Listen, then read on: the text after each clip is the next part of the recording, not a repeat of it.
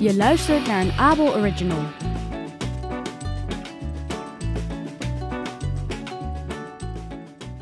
Lisa, het vissersmeisje.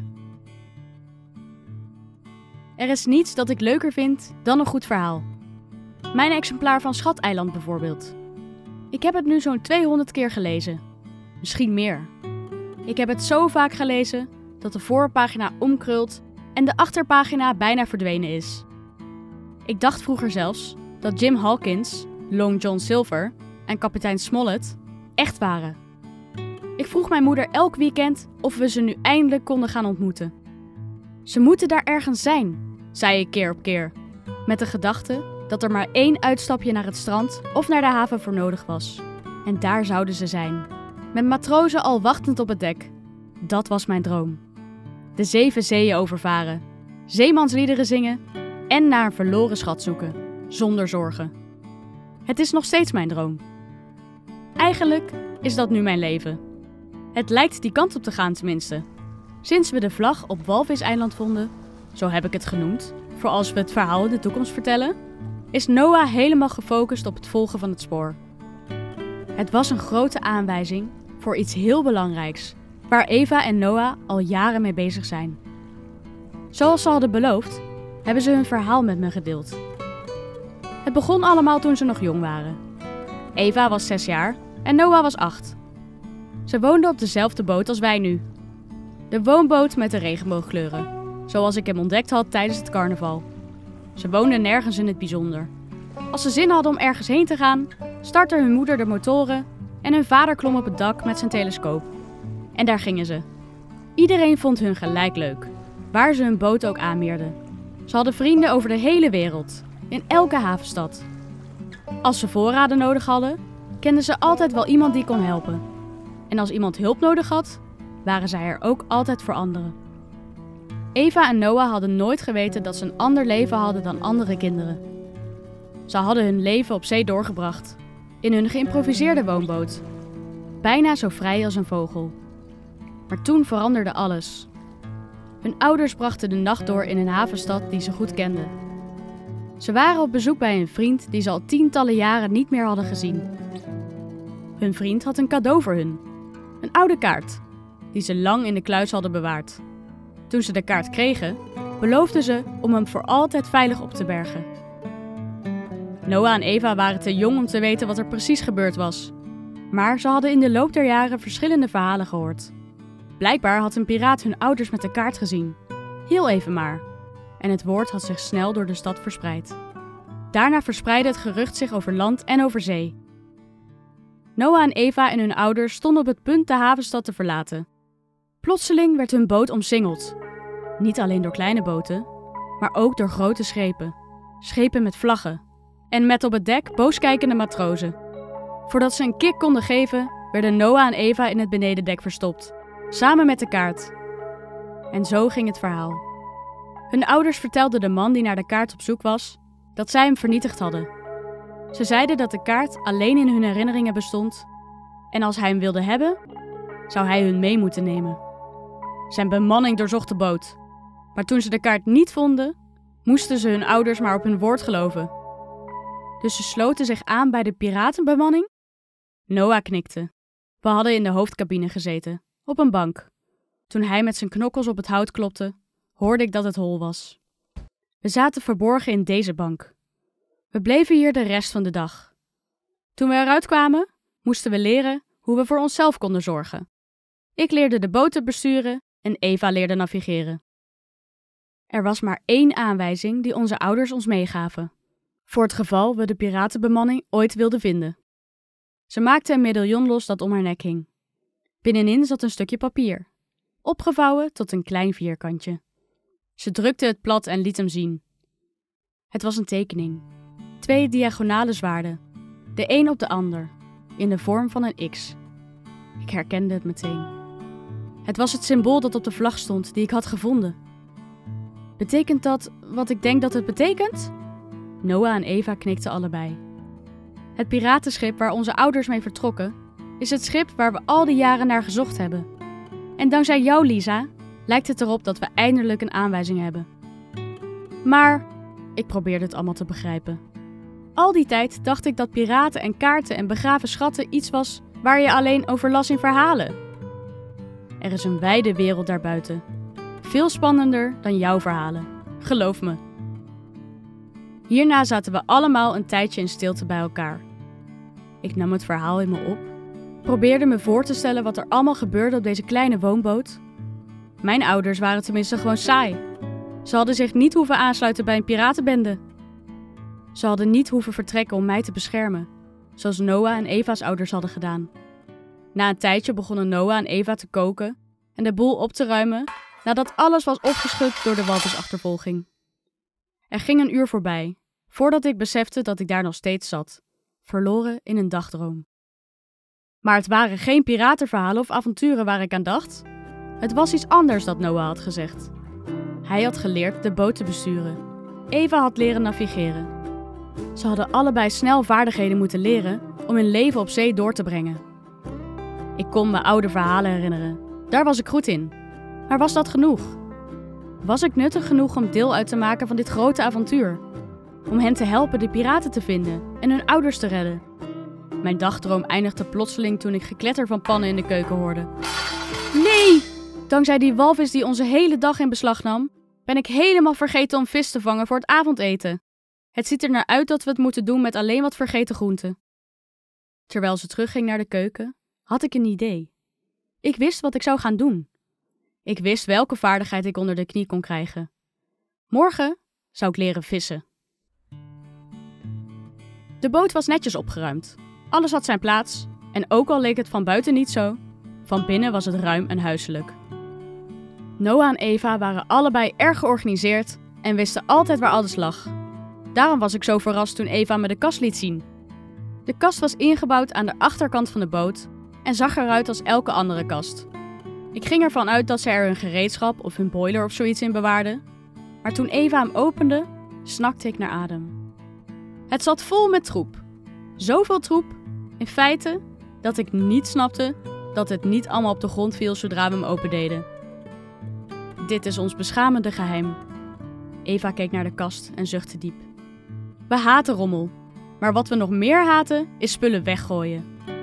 Er moet daar ergens een hengel liggen. De reden waarom ik er één moest vinden, was omdat Noah en Eva al jaren een oud stuk touw en draadhaken als vislijn gebruikten. En zelfs zij gaven toe dat het niet erg goed had gewerkt. Na ongeveer een uur zoeken vond ik wat antiek visgerij. Met Goldie naast me ging ik op het randje van de jacuzzi zitten en wierp de lijn overboord. Het enige aas dat ik had, waren stukjes brood en wat kleine insecten die ik op de ramen van de boot had gevonden. In het begin was ik geduldig en keek ik hoe de lijn achter de boot sleepte, klaar om in actie te komen als ik iets voelde trekken. Mijn geduld begon een beetje minder te worden. En uiteindelijk raakte mijn geduld helemaal op. Na twee uur had de lijn maar één keer aan mijn arm getrokken, alsof ik beet had. Maar toen ik hem omhoog trok, had hetgene wat erin had gebeten het brood meegenomen. En alsof dat nog niet erg genoeg was, had ik me nu omgedraaid om te zien hoe Lola, Noah's passievolle papegaai, de rest van mijn aas opslokte. Normaal gesproken zou ik een boek uit de bibliotheek halen waarin stond hoe ik zoiets moest doen. Maar dat was duidelijk niet aan de orde. Dit zou moeilijker worden dan ik dacht. Maar ik was vastberaden. Toen de zon onderging, kwam Noah me een kopje thee geven en Eva legde een deken over me heen. In de loop van de dag had ik twee kleine visjes gevangen. En een krab en een laars. Maar niets dus dat als maaltijd beschouwd kon worden. Ik had als plan om de kleine visjes te gebruiken om iets groters te vangen. Maar dat plan faalde. Na een korte pauze om te eten, zei ik de anderen alvast wel trusten en besloot het nog eens te proberen. Vissend bij het licht van de maan. Het was een kalme nacht. Naast me lag Goldie heerlijk te snurken. En zelfs Lola was in de buurt gebleven om de maanverlichte horizon in de gaten te houden. Het kabbelen van de golven bracht me bijna in slaap. Maar de gedachte aan een hele dag vissen met slechts een paar miserige visjes hield me scherp. Ik haalde de lijn binnen en dacht: ik probeer iets nieuws. Terwijl ik in mijn zak rommelde, vond ik een munt.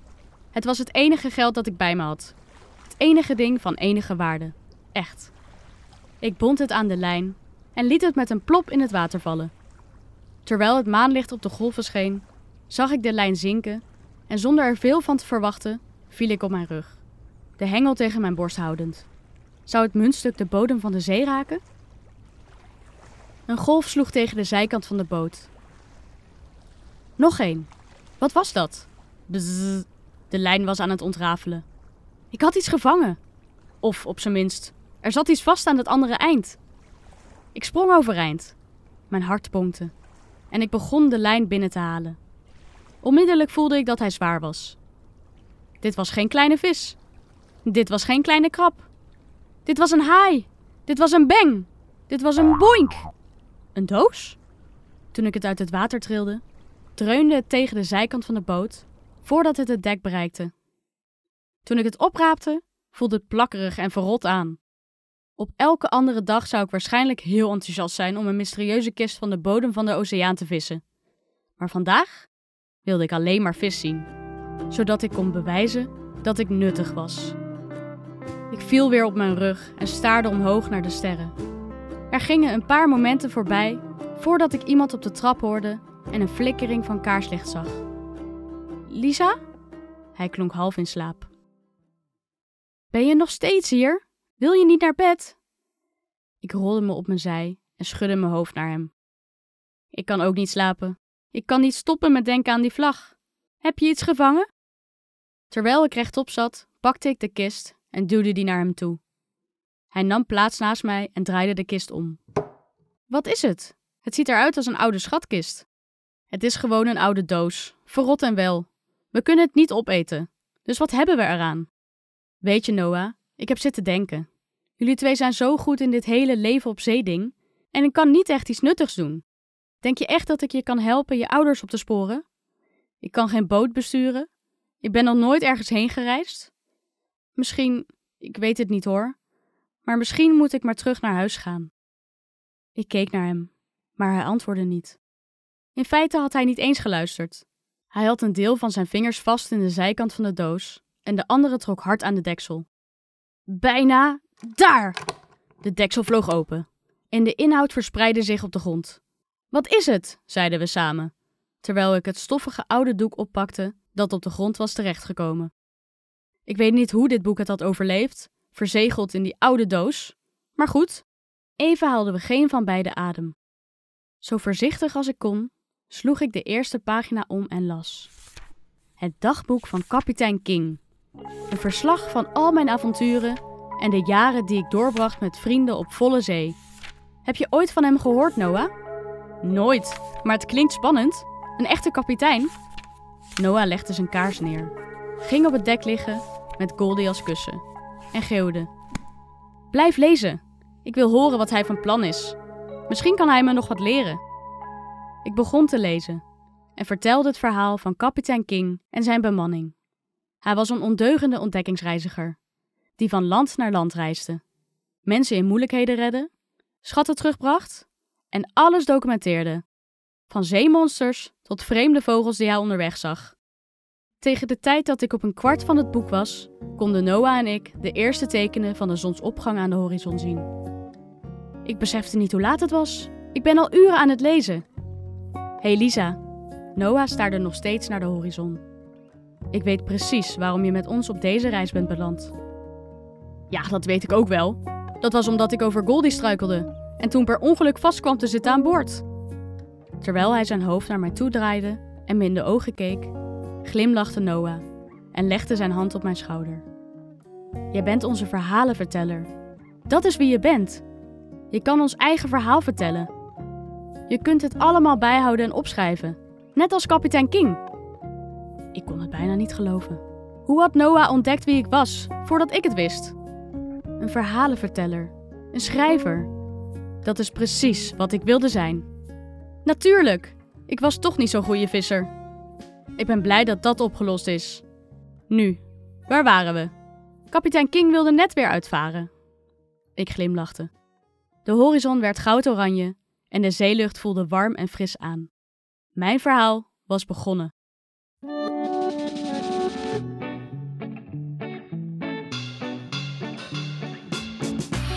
Bedankt voor het luisteren naar een Abel Original.